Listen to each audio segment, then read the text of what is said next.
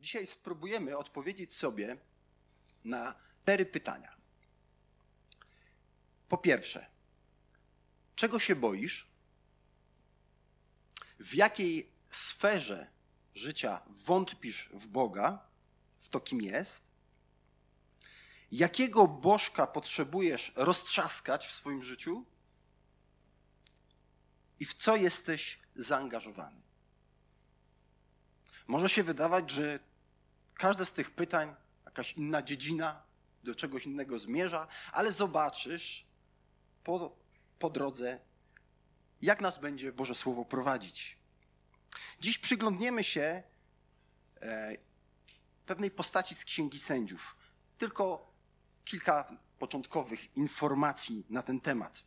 Izraelici pod dowództwem, pod wodzą e, Jozułego wkraczają do ziemi obiecanej i każde z tych plemion ma zająć odpowiedni obszar. Więc podbijają ziemię obiecaną, ale nie wszystkie tereny do końca zostały zajęte przez nich. Ten plan właściwie powinien jeszcze trwać. Natomiast w trakcie tego podboju Jozue umiera, odchodzi i kiedy umierają jeszcze ludzie, którzy, tacy dowódcy, przywódcy, którzy byli z Jozułem, nastało nowe pokolenie. Nastąpiła wymiana i czytamy tam w, w księdze właśnie sędziów, że nowe pokolenie nie znało Pana, czyli nie znało Boga, ani tego, co Bóg uczynił dla Izraela. To informacja ciekawa Dlaczego oni nie znali? Księga cała, Księga Sędziów kończy się takim sformułowaniem, które znajdziemy w różnych częściach tej księgi, ale podsumowuje nam tą księgę, że były to czasy, kiedy nie było króla i każdy robił to, co mu się podobało, co uważał za słuszne w swoich oczach. Tak jak się czuł, jak mu pasowało. Nie wiem, czy to trochę nie przypomina ci naszych czasów. Że właściwie nie ma króla, a jak nie ma króla, to znaczy, że ktoś jednak panuje. I każdy ustanawia swoje prawo, mówi, co jest dobre, co jest złe. To czasy bardzo podobne. Każdy robił to, co chciał tak, jak uważał. I ta księga właśnie pokazuje nam taki okres około 300 lat. Około 300 lat ludzie w ten sposób funkcjonowali. Jako Izraelici, jako pokolenia. Nie znali Pana, zaczęli wymyślać różne rzeczy. Księga ta składa się z takich cykli. Izraelici grzeszą, oddają cześć innym bogom. Bóg każe ich obcymi narodami które najeżdżają Izrael. Wtedy jest ciężko Izraelitom, wołają do Boga wybaw. Bóg posyła jednego z sędziów, tak się nazywali oni sędziowie, czy tacy dowódcy, jacyś ludzie, którzy mieli do tego autorytet od Boga, moc, wsparcie, żeby uwolnić Izraelitów od właśnie tych y, złych narodów, obcych narodów. Tak się działo, zażywali spokoju, po czym znowu zapominali o Bogu i żyli po swojemu. Po polsku to powiedzielibyśmy, że trochę to przypomina jak trwoga to do Boga. Czyli najpierw rozrabiamy, jest nam źle, wołamy, przychodzi w naszym życiu czas, że już jest wszystko fajnie i zapominamy o Bogu. Więc ta księga właśnie o tym nam mówi. I będziemy przyglądać się postaci, która jest w centralnej mniej więcej części tej księgi. A z każdym takim cyklem, z każdym następnym takim dowódcą, takim wojownikiem, którego Bóg powołuje, jest coraz gorzej i co więcej, nie tylko z Izraelem jest coraz gorzej, ale coraz gorszy stan prezentuje ten dowódca sobą. My jesteśmy w środku, to znaczy, że on jest jeszcze nie tak bardzo zły, ale zły. To ciekawe jak bardzo Bóg kocha ludzi, że chociaż są źli, to przychodzi do nich. To przychodzi z miłości do nich, by im pomóc, by ich uratować. Spójrzmy na tą postać Gedeon i Bóg. Będziemy dziś mówić o właśnie Gedeonie. Tak miał na imię ten człowiek. Przyjrzyjmy mu się więc. Spójrzmy na Księgę Sędziów, szósty rozdział, jedenasty werset.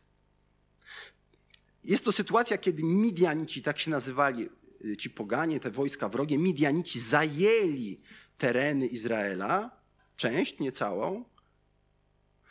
I Izraelici, kiedy przyszła pora zbiorów, to właśnie oni wtedy najeżdżali, zabierali im to, co udało się wyprodukować, zabierali zwierzęta, zabierali zboże, zabierali oliwki.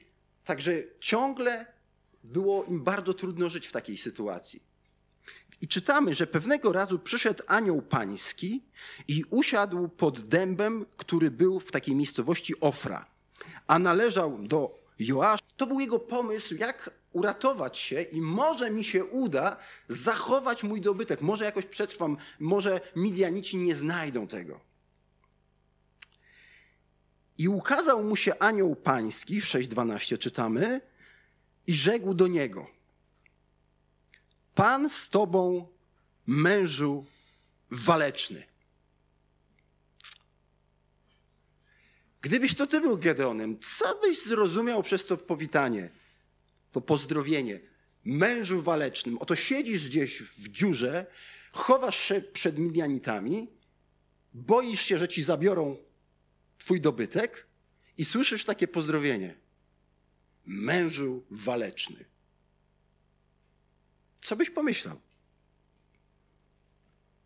Czy Gedeon rzeczywiście jest mężem walecznym, skoro się ukrywa? Dlaczego takie powitanie? Może to była ironia, a może jakaś zachęta. Ale spójrzmy, spójrzmy na tego ukrytego, zlęknionego faceta, co odpowiada.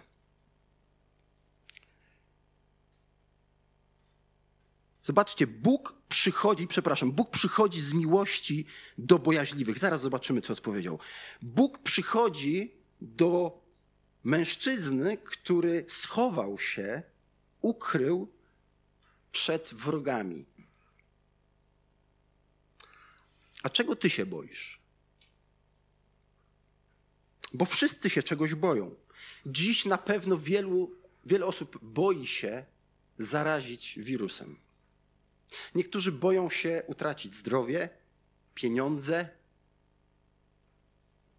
Czego ty się boisz?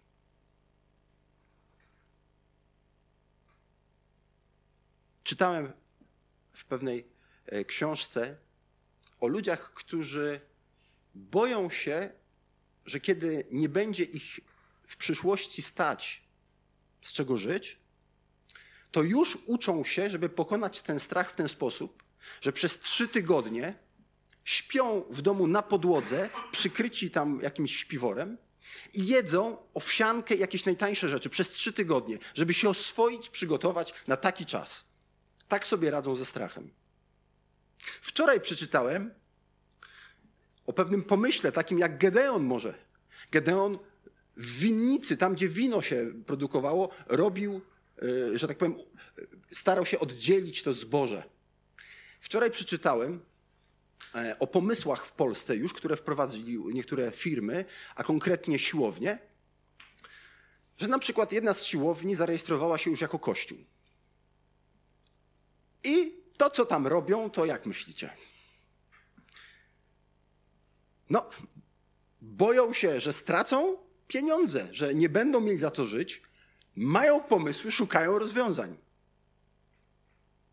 Bóg przychodzi z miłości swojej do ludzi, którzy się boją. Czego się boisz? Co przerasta dzisiaj Twoje możliwości? Apostołowie w ogrodzie bali się, że zostaną uwięzieni i uciekli. Mojżesz bał się, że faraon go nie posłucha. Spojrzał na siebie i mówi: Ja nie potrafię nawet dobrze mówić, poślij kogoś innego. Mojżesz bał się.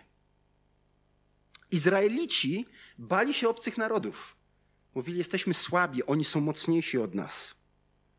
Ludzie w czasie II wojny światowej bali się pomagać Żydom przed konsekwencjami, jakie mogłyby ich spotkać za taką udzieloną pomoc. Boimy się, może być samotnym w przyszłości? Czego naprawdę się boisz? Czy jest coś, czego się boisz? Spróbuj odpowiedzieć sobie na to pytanie. Księga Sędziów 6:13. A Gedeon rzekł do niego: Za pozwoleniem, panie mój, jeżeli Pan jest z nami, to dlaczego spotkało nas to wszystko? Gdzież są wszystkie Jego cuda, o których opowiadali nam nasi ojcowie, mówiąc: Czyż nie Pan wywiódł nas z Egiptu? Teraz zaś porzucił nas Pan i wydał nas w rękę Midjańczyków. Gedeon radzi sobie jak może. Boi się utraty majątku, życia. Na to pozdrowienie Pan z Tobą, waleczny wojowniku, co? Co to rodzi to pytanie, to pozdrowienie, co wywołuje w Gedeonie? Wątpliwość. Zaraz, zaraz, jak to Pan jest ze mną? Jak to Bóg jest z nami? Gdyby ten Bóg, o którym opowiadali nam nasi ojcowie, a zatem słyszeli o nim, ten sam Bóg, który wyprowadził lud z Egiptu, z niewoli, jeżeli to jest ten sam Bóg, to dlaczego mnie spotyka to nieszczęście w postaci wrogów, którzy nas ciągle rabują? Dlaczego Pan zostawił nas? On mówi: Pan nas teraz porzucił. Jaki obraz Boga ma Gedeon? Co on myśli w tym doświadczeniu, w tym strachu przeżywanym, w tych okolicznościach, co on myśli o Bogu i dlaczego tak myśli? Co myśli o Bogu? Nie, nie, nie. Bóg nas porzucił, zostawił na pastwę losu. On myślę, że jest rozczarowany może Bogiem, może zagniewany, a może w tym gdzieś użala się też nad sam sobą, nad własnym losem.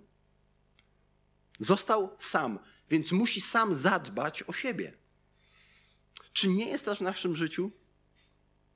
Czy miałeś kiedyś sytuację, w której wątpiłeś w to, kim jest Bóg i że jaki jest? Bóg przychodzi z miłości do bojaźliwych i wątpiących. Skąd się bierze zwątpienie? Z bólu, z bezradności, Wtedy, kiedy coś nas przeraża również, pojawia się wątpliwość, jeśli Bóg jest ze mną, to dlaczego mnie to spotyka? Dlaczego mnie to spotyka? Patrzysz na otaczający nas dzisiaj nawet świat, na ludzi, którzy zadają pytanie: jeśli Bóg jest wszechmocny, i kocha, to dlaczego pozwala, bym doświadczył bólu i cierpienia? Dlaczego Bóg pozwolił na cierpienia w obozach? Dlaczego pozwala na to, że dzieci są mordowane, kobiety gwałcone? Dlaczego pozwala, skoro, jest wszechmocny i kocha? to gdzież on jest? To jest to samo gdzieś pytanie. Jeśli mnie spotyka to nieszczęście, a jest ze mną Pan, Bóg, tak mówią chrześcijanie, może się pojawić pytanie, no to gdzie on jest? Ale spróbuj zadać pytanie w takim razie jeszcze takie. A jeśli Bóg jest sprawiedliwy, to co powinien zrobić ze mną i z Tobą? Jeśli jest sprawiedliwy, to co powinien zrobić z kimś, kto jest zbuntowany przeciwko niemu, kto go nie uwielbia, kto jest jego wrogiem, co powinien zrobić? Zabić, zniszczyć. Czy robi to? Okazuje łaskę, bo kocha. Gedeon, jego doświadczenie to jest doświadczenie wynikające z grzechów konkretnego narodu przez bałwochwalstwo i Bóg ukarał naród. Naród, czyli wielu ludzi i w tym Gedeona. Doświadczamy cierpienia, doświadczamy bólu i mamy wątpliwości co do Boga, ale musimy przyznać, wierząc Pismu Świętemu, wierząc Bożemu Słowu, że początek naszych nieszczęść nastąpił w Edenie, kiedy Adam z Ewą zgrzeszyli. I od tamtej pory nie jest lepiej. Ciągle jesteśmy ludźmi grzesznymi. I to, co nas spotyka, wynika rzeczywiście z tego powszechnego grzechu, nie tylko z konkretnego mojego indywidualnego. I wiemy, że kiedyś tak nie będzie. Jezus to obiecał. Co więcej, zauważ, że Bóg tak ukochał właśnie tych wystraszonych i tych wątpiących ludzi, takich jak ja i ty, że posłał swojego syna, który oddał życie. Jeśli masz wątpliwość, czy Bóg cię kocha, spójrz na krzyż. Kochający ojciec, Bóg ojciec pozwala i zgadza się, by Bóg syn, Jezus Chrystus, oddał życie z miłości za mnie i za ciebie. Kiedy pojawi się wątpliwość, bo nie rozumiemy okoliczności i mamy takie pytania, spójrz na krzyż. Je, Bóg udowodnił już swoją miłość. On nie musi udowadniać, bo zrobił już najwięcej, co mógł, ale oczywiście zmieni jeszcze tą rzeczywistość w przyszłości. Ale na dziś dzień pokazał nam, jak bardzo nas kocha. Nie dziw się, że czegoś doświadczasz trudnego, ale może zadaj wtedy pytanie, czego, Panie Boże, mnie uczysz o Tobie o mnie samym w tym momencie. Gedeon wątpił, bo mówił: Taka jest rzeczywistość. Bóg nas pozostawił. To już był jego wniosek. Bóg nie zostawia swoich dzieci. Tych, którzy uwierzyli, którzy należą do Niego, którzy mają Ducha Świętego, Ci należą do Boga. Bóg ich nie zostawia. Apostoł Piotr był tym, który zaparł się Jezusa ze strachu. A potem, po wielu latach, napisał dwa listy wspierające cierpiących chrześcijan. On wiedział, co to wątpliwość, co to strach. Sam doświadczył upadku w tej dziedzinie. Może tobie się też to przydarzyło. Pomyśl, czego się boisz i co myślisz o Bogu. Nie buduj obrazu Boga na okolicznościach. Popatrz w Boże Słowo, zaufaj Bogu, że On kocha i wcale nie jest obojętny na cierpienie. A zatem, co myślisz, może teraz? Jeśli jesteś w trudnym doświadczeniu, co myślisz o Bogu? Jaki masz Jego obraz? Czytamy dalej 6:14. Wtedy Pan zwrócił się do niego, do Gedeona i rzekł: Idź w tej mocy Twojej i wybaw Izraela z ręki Midianczyków. Przecież to ja Cię wysyłam. Jakże to musiało brzmieć? Gedeon mówi: Gdzie jest Bóg, jeśli Pan jest z nami? A anioł Boży, ten posłaniec Boży, mówi do Gedeona: ty idź w swojej mocy, z Twoją siłą, jaką posiadasz, z tą, którą masz w sobie, idź i wyzwól z ręki Midianitów. No to jest poselstwo niezłe. Co, co mówi o tym i o sobie Gedeon? 6.15. Wybacz, panie, jakże ja mam ratować Izraela. Mój ród jest najmniejszy w plemieniu Manassesa, a ja najmniej znaczę w domu mego ojca. Innymi słowy, Gedeon mówi, ja się nie nadaję, gdzie ja, z czym ja pójdę? Ja tu siedzę w dziurze, chowam się przed nimi, a ty mówisz do mnie, Żebym ja w mojej sile, z moimi umiejętnościami i możliwościami poszedł i pokonał wroga takiego, jakim są Midianici? Cóż to jest za wyzwanie? Czy przypomina nam to może nawet niedawne rozważanie Bożego Słowa o uczniach, do których Jezus powiedział: Wydajcie im jeść, a było tam co najmniej 10 tysięcy osób i mieli kilka rybek i chlebów? Czego Bóg uczy Gedeona w tej rozmowie? Kiedy mówi do niego: Użyj swojej siły, a Gedeon mówi: Ja nie mam takiej siły. Aha, to ważna lekcja.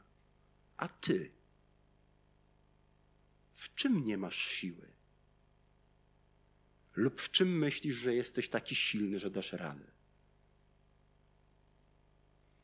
Pomyśl o tym. Wtedy Pan odpowiedział w 6:15: Ponieważ ja będę z tobą, pobijesz Madianitów, jak gdyby to był jeden człowiek. Bóg mówi do tego zlęknionego faceta: Słuchaj, to będzie walka, jakbyś walczył tylko z jednym człowiekiem. Ale dlaczego wygrasz? Bo ja będę z Tobą. Bo ja będę z Tobą. I w dalszej historii, której teraz nie będziemy czytać, ale chciałbym tylko ją dopowiedzieć, jak wyglądała ta walka. Opis wojsk tego wroga jest taki, że jak było ich tyle jak piasku morskiego, niezliczona ilość wielbłądów, potężna armia. A Bóg mówi do Gedeona, który zebrał 32 tysiące wojowników. Mówi do Gedeona: Słuchaj, za dużo was. Tam masz tysiące, setki może tysięcy wojowników, a Bóg mówi do Gedeona: Za dużo was. I mówi: Powiedz tym, którzy się boją, niech odejdą. Odeszło ile z tych 32 tysięcy? Wiesz może? Odeszło 22 tysiące. Tylu się bało. Czyli został z garstką 10 tysięcy w stosunku do tej armii. Ale Bóg mówi: Nie, nie, nie. To jeszcze za dużo was jest. Dlaczego? Czytamy to w siódmym rozdziale, drugim wersecie. Izrael wynosiłby się ponad mnie, powiadając: Sami się wybawiliśmy. Słuchajcie, co to za myślenie? Jak Bóg dobrze nas zna, że pracujesz własnymi rękoma, zarabiasz pieniądze i myślisz sobie: Nie, no to ja, ja to zarobiłem, to jest, to jest moja zasługa.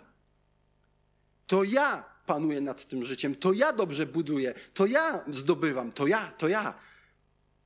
A Bóg uczy nas, oj zastanów się, co ty byś mógł, gdyby nie ja. I Bóg zostawia Gedeona z trzystoma wojownikami i oni, poprzez nich, Bóg pokonuje tą armię. Ja i ty z naszą siłą i możliwością znaczymy tyle co nic. Bóg oczywiście daje nam możliwości siły i chce, byśmy je wykorzystywali, ale nie, żebyśmy polegali na sobie. Ja będę z Tobą. To ważne. W Rzymian w ósmym rozdziale, w 31 wersecie, Paweł napisał: Jeśli Twój kolega jest z Tobą, to któż przeciwko nam? Jeśli jesteś tak zaradny, to któż przeciwko tobie? Jeśli masz znajomości, o, cóż mi ktoś może zrobić? Nie. Jeśli Bóg jest z nami, to któż przeciwko nam? Popatrz na okoliczności, na życie. Popatrz na to, czego się boisz. Jaki masz obraz Boga? I zobacz, że Bóg przychodzi do takich ludzi. Bóg przychodzi. Tu jest pewien paradoks. Gedeon mówi: Gdzie jest Pan? On się o nas nie troszczy, a właśnie rozmawia z tym Bogiem, który przyszedł i okazuje troskę. Nie sam. Nie sam. Tu zaczyna się seria pewnych dowodów, które Bóg przedstawia Gedeonowi, aby on rzeczywiście nabrał takiego właściwego obrazu Boga, aby nie wątpił. Bóg przychodzi z miłości do bojaźliwych i wątpiących.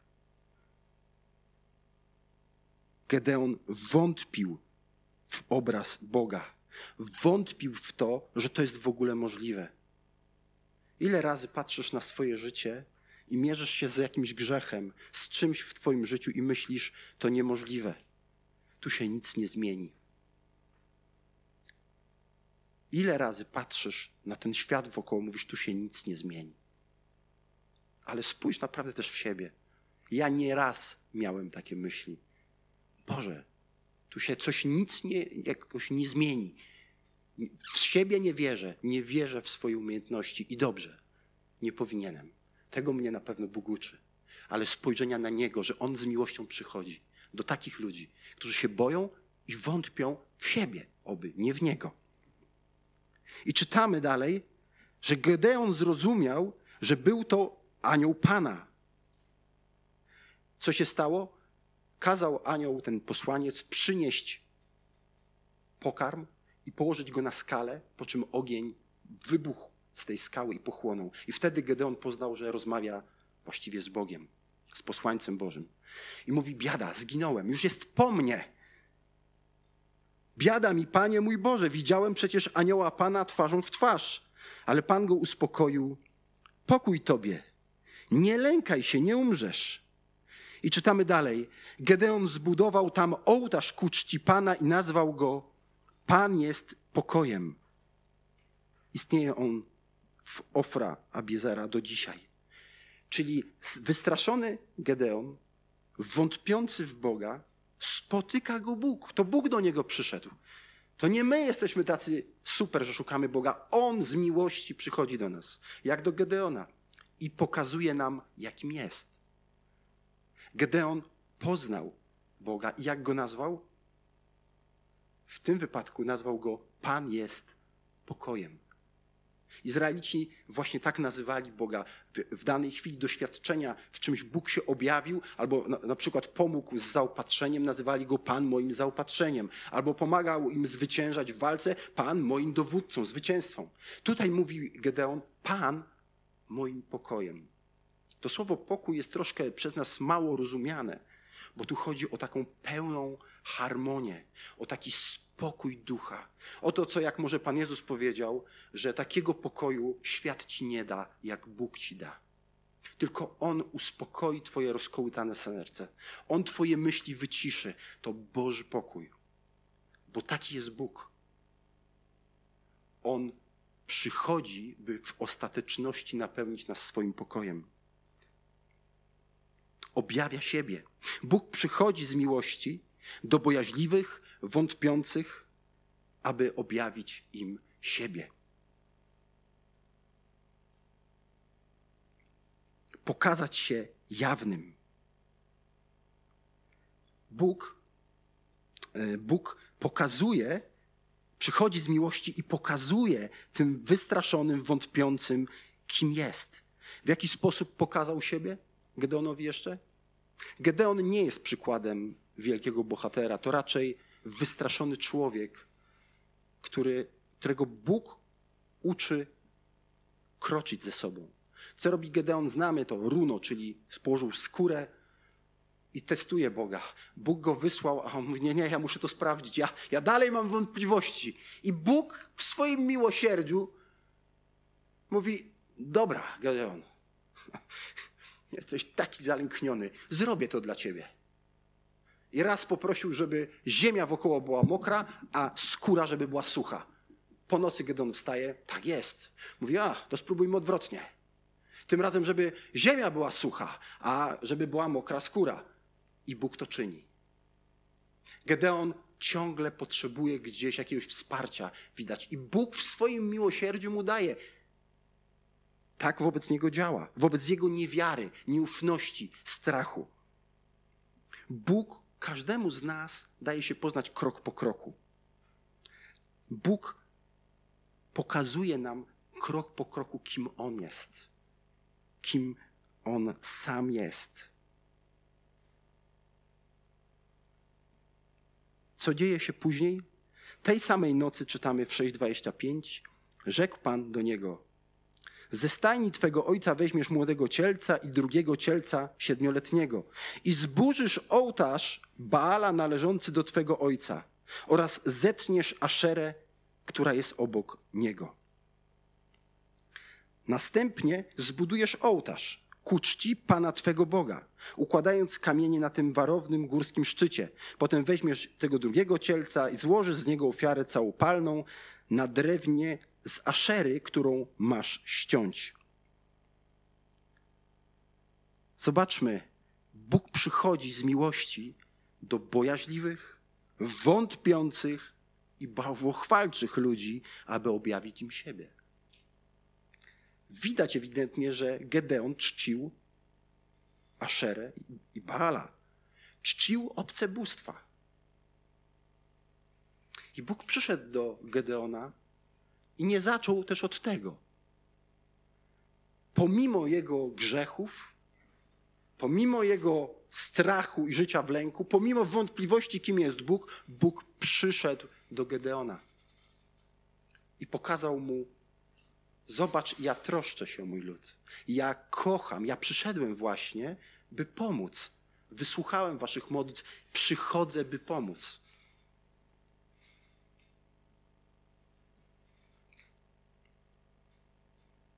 Co w moim i Twoim życiu może jest dziś jakimś bałwanem, jakimś bożkiem?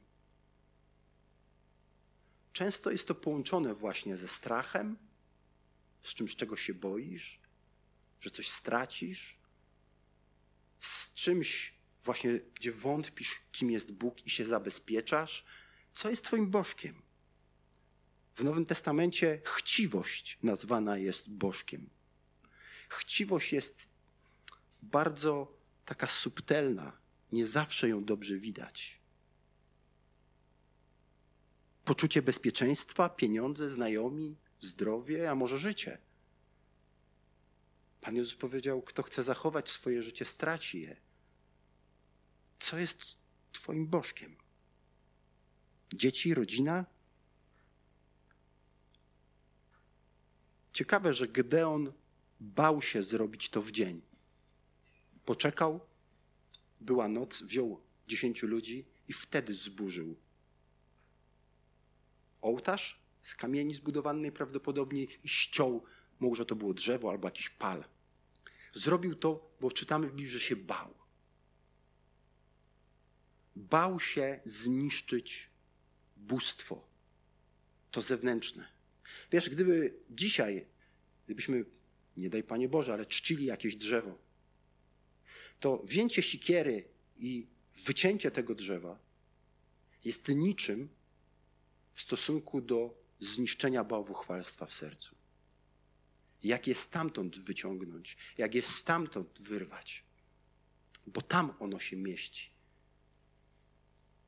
Co dla ciebie może dziś jest czymś tak ważnym, że boisz się, że to stracisz i twoje życie przestanie mieć sens? Co takiego, bo to jest Bożek. Co takiego może boisz się odrzucić, roztrzaskać, bo to jest bardzo ważne. Sam sobie w ostatnim czasie naprawdę powtarzam, czytając szczególnie jeszcze inne księgi, gdzie Bóg mówi: Nie zostawisz nic, po prostu wytniesz do końca, nie, twoje oko się nie ulituje.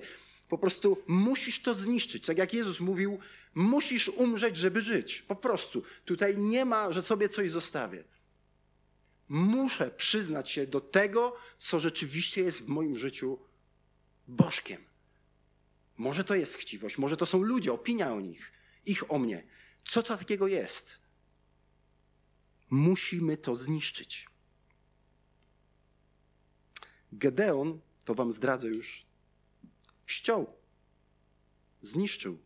Ale kiedybyśmy przeczytali jego koniec, to wybudował bożka na swoje podobieństwo.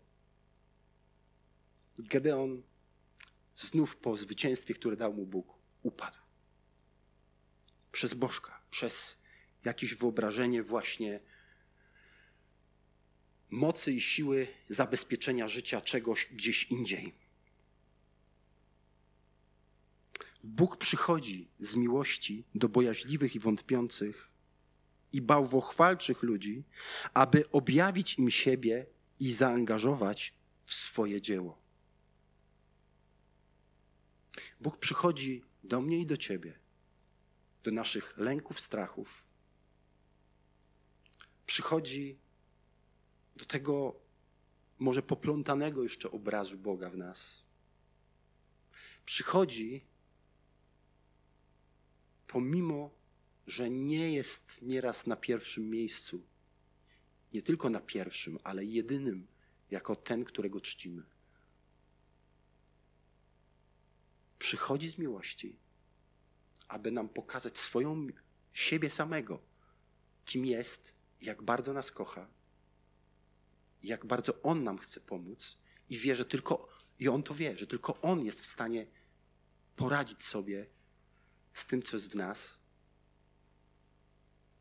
I robi to też po to, by nas zaprosić do swojego dzieła, do budowania Jego królestwa, gdzie jest pokój, miłość, radość, do Jego domu, który mamy wznosić. On nas zaprasza. Tu, póki nie przyjdzie powtórnie, zaprasza. Zaprosił takiego Gedeona, i zaprosił do takiego budowania i przyszedł do takiego Tymoteusza, o którym czytamy, że bał się, był zniechęcony, może wystraszony, a nadal do niego przychodził Bóg, pokazywał, kim jest i podnosił. Bóg przyszedł też kiedyś do mnie i ciągle przychodzi, kiedy ja się boję, czy dam rady, widząc swoje niedoskonałości, grzechy, słabości przychodzi do takich ludzi, którzy się źle mają, z miłości, by nam pomóc. By pomóc nam być z Nim i dla Niego, by tylko On był naszym Panem i Bogiem. I On w swojej miłości mówi: Chcę Cię używać. Chcę, byś był częścią mojego planu, częścią dzieła, które wznoszę. Dlatego jeszcze raz zadajmy sobie na koniec to pytanie, te pytania. Czego się boisz? W jakiej sferze wątpisz w Boga? Jakiego bożka potrzebujesz roztrzaskać w swoim życiu? I w co tak naprawdę swoim życiem jesteś zaangażowany? Drogi Boże, Pomagaj nam. Prosimy Cię, bo sami nie damy rady nawet zobaczyć. Dziękujemy Ci, że, że Ty kochasz, przychodzisz, podnosisz, przemieniasz. Uczysz nas tej relacji z Tobą, prawdy o Tobie. Dziękujemy Ci, że tak znosisz nasze nieraz nieudolne uczenie się, że jesteś cierpliwy, dobry, kochający że kiedy bardziej się boimy czegoś niż ufamy Tobie, to przychodzisz, by nas podnieść i skierować jednak naszą ufność na Ciebie. I kiedy wątpimy w Ciebie, mimo wszystko, poprzez Ducha Świętego, przez Twoje słowo, przychodzisz i kształtujesz nasze myślenie.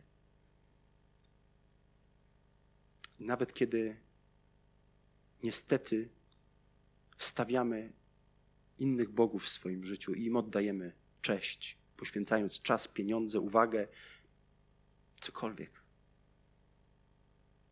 Nie podoba ci się to, ale przychodzisz, objawiasz swoją miłość i mówisz: rozwal to. Służ tylko jednemu Bogu. Dziękujemy Ci, że dajesz pokój, którego świat nam nie da. Nie wypracujemy go. Dziękujemy Ci też za to, że możemy Ci służyć i mieć udział w Twoim dziele. Amen.